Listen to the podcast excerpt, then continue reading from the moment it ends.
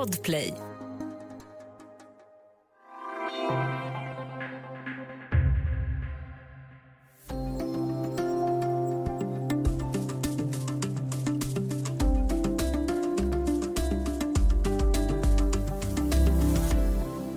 Sex militärkupper har genomförts i Afrika på bara ett och ett halvt år, flertalet av dem i Västafrika.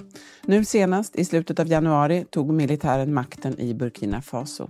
Varför händer det här just nu och vad har länderna gemensamt? Välkommen till Studio DN. Jag heter Sanna Thorén Björling.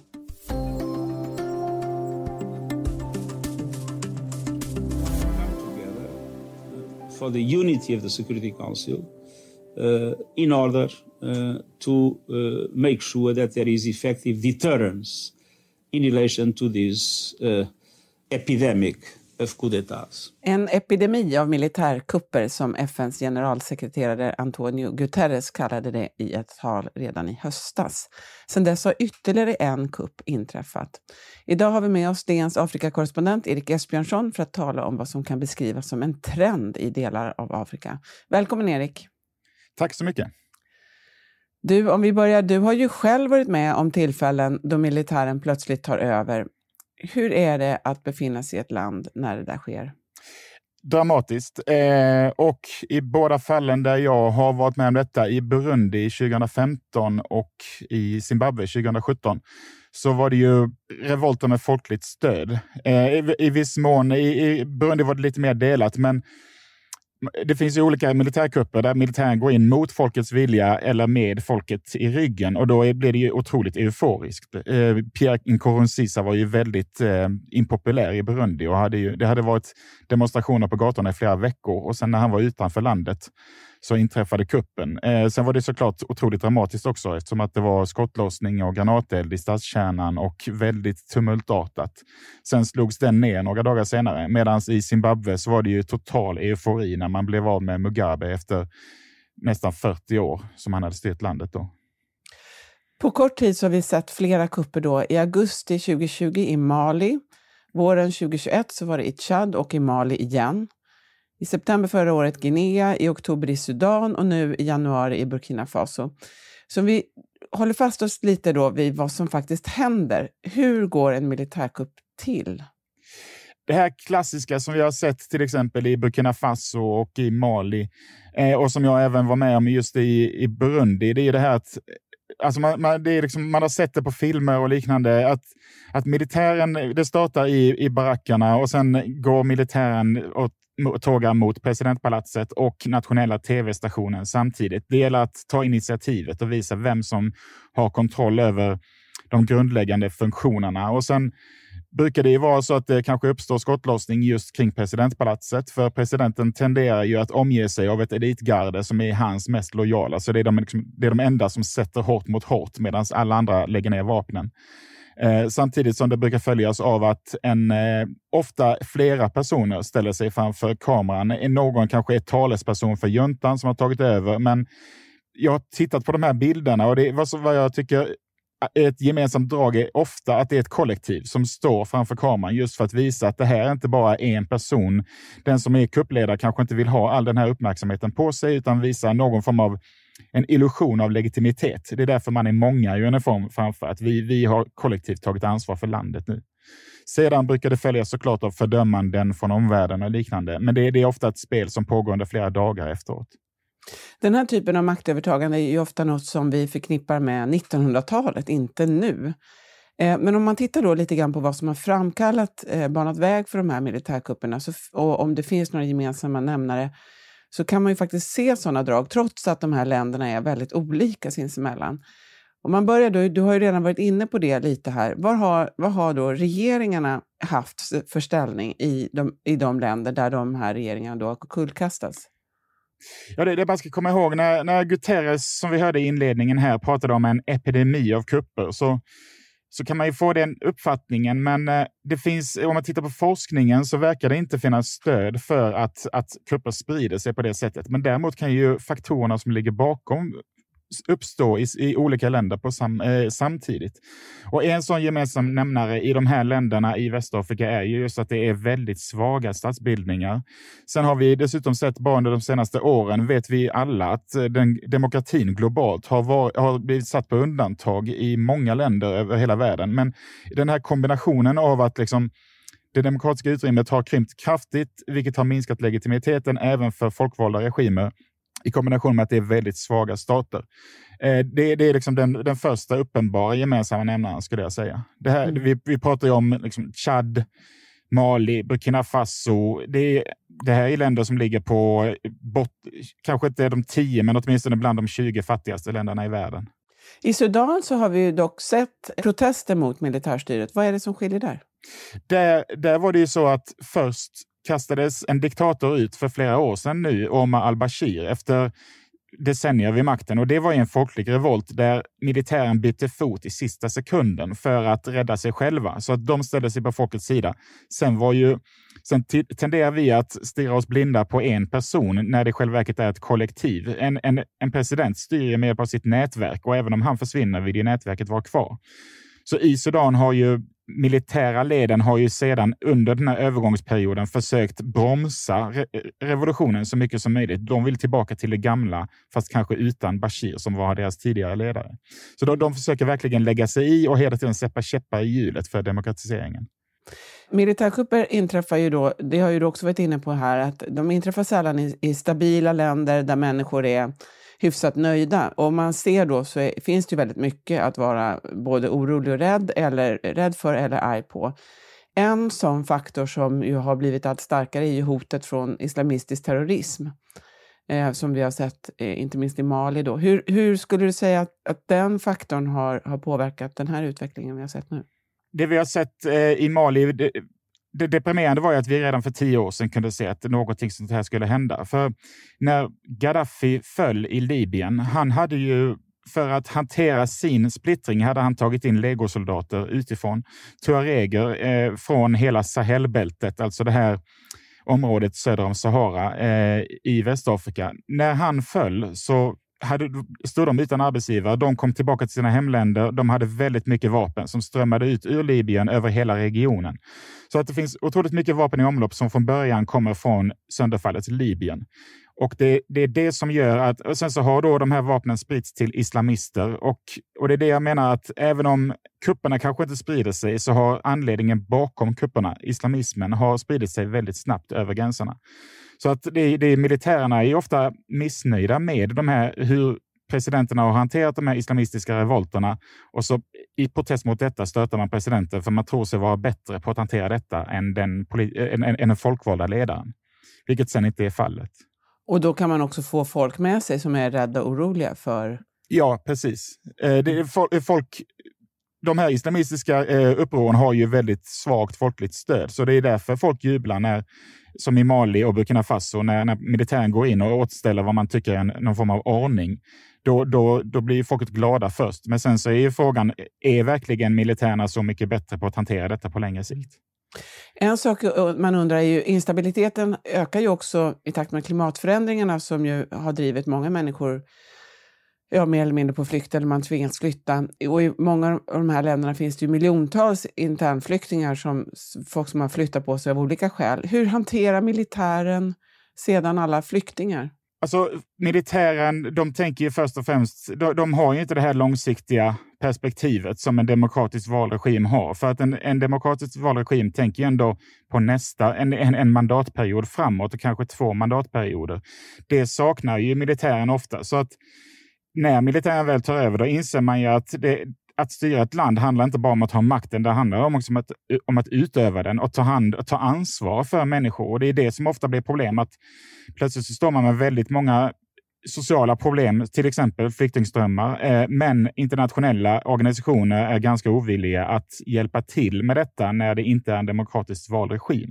Så nu sitter de lite nu har de insett att det där de tog över var kanske inte världens eh, mest... Jag vet inte hur jag ska säga, liksom, men när, när, när militären då går in så, så då plötsligt får de en tankeställare. Vad, vad, har vi nu fått i knät här? Nu, hur ska vi hantera detta utan omvärldens stöd? Och det blir ofta ett väldigt stort problem. Vi ska alldeles strax prata mer om eh, vad, orsakerna till militärkupperna och hur de har bemötts.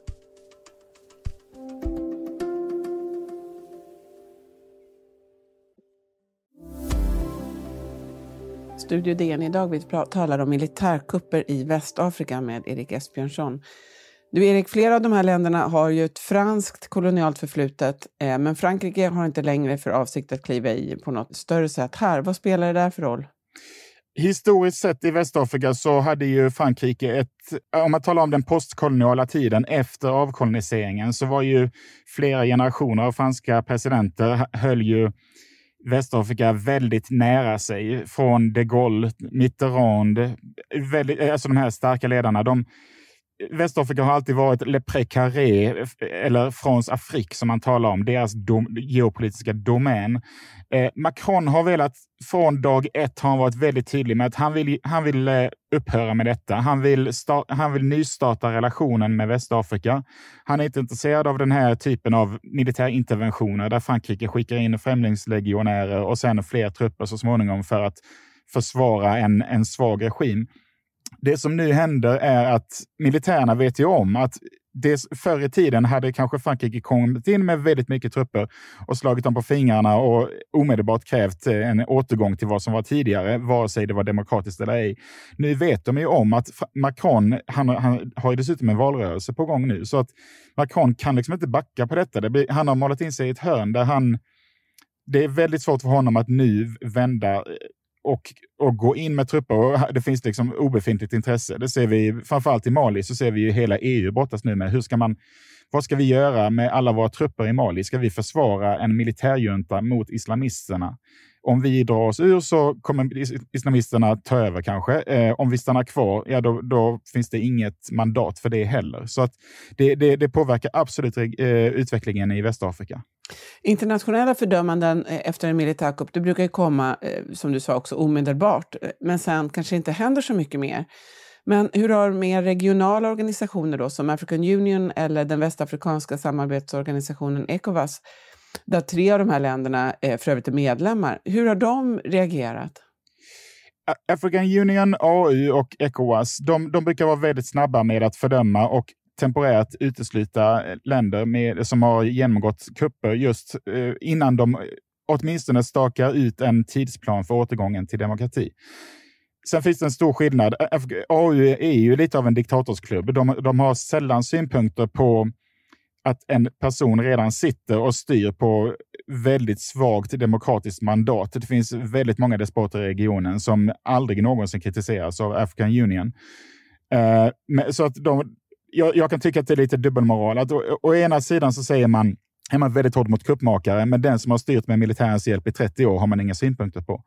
Ecowas däremot i Västafrika har en mycket hårdare policy. Eh, och det, det, handlar lite om att den tyngsta spelaren, Nigeria, faktiskt har etablerat en demokrati. Så att, så att i Ecowas så har man nu uteslutit alla de här länderna. Problemet är att det är så många kupper samtidigt, så att problemet är hur många finns det kvar i Ecowas när man, när man utesluter alla militärdiktaturerna.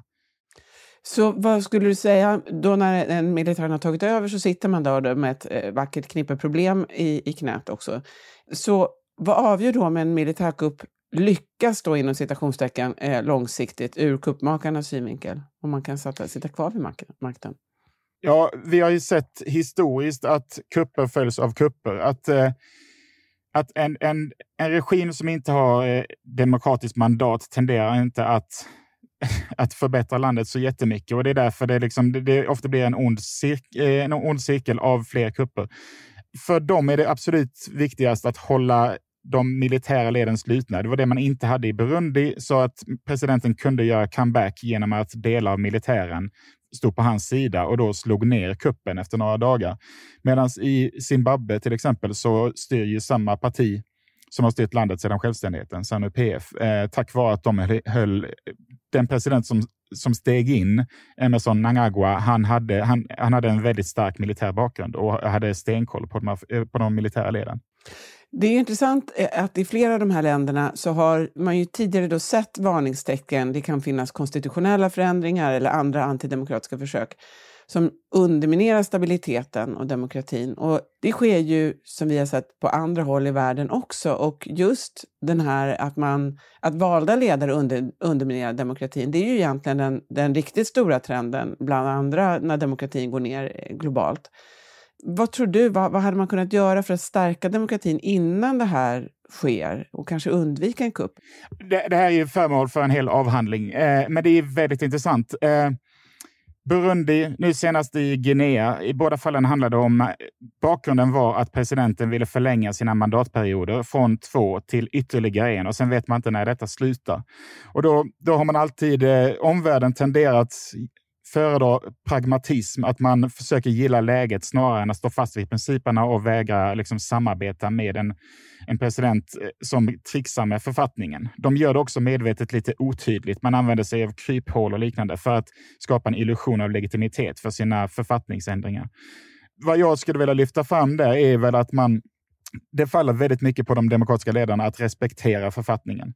Nigeria hade ju flera decennier av militärjuntor, men på 90-talet när Sani Abacha hade dött så valde då hans ställföreträdare, som var liksom de facto president bara under ett år, han steg åt sidan och öppnade upp för demokratisering.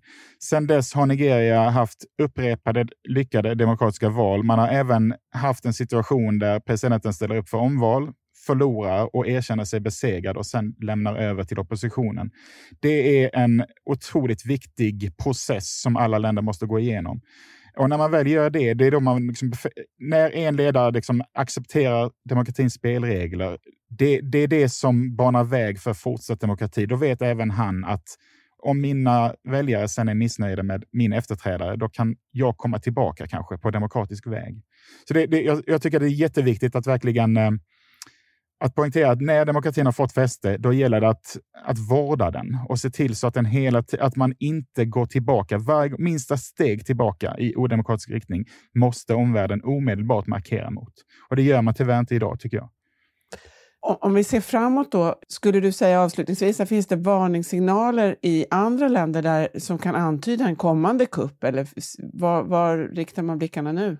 Ja, det var ju AU-möte nu i Addis i veckan. Flera deltog på distans, men det var många som var där också. Och Felix Tshisekedi i Kongo, han var tvungen att rusa hem till Kinshasa på grund av rykten om en kupp. Och hans, eh, en, en stabschef som har varit en nyckelspelare i flera administrationer blev arresterad. Vi vet fortfarande inte om det verkligen var en kupp på gång eller bara ett rykte, men, men det var liksom tecken på att nu när det här händer så är det klart att det är många som blir nervösa. Och skulle man titta på vad kan det hända sen? skulle jag, om jag var liksom en, en diktator som, eller despot som har styrt i 30 år och börjar åldras, eh, då, då, skulle jag börja bli lite nervös. Där kan vi tala om Gabon, Ekvatorialguinea, Kamerun, på sikt även eh, länder som Rwanda till exempel, men där är vi inte ännu. Eh, men, men, men de länder, ju längre tiden går, desto större är risken just för en militärkupp. Tusen tack för att du var med idag, Erik. Vi får alla anledningar att återkomma i ämnet. Om du vill kontakta oss så går det bra att mejla till studiodn dn.se. Kom också ihåg att prenumerera på Studio DN där du lyssnar på poddar så missar du inga avsnitt. Studio DN görs för Podplay av producent Sabina Marmelakai, ljudtekniker Patrik Miesenberger och teknik Jonas Lindskog, Bauer Media. Jag heter Sanna Thorén Björling.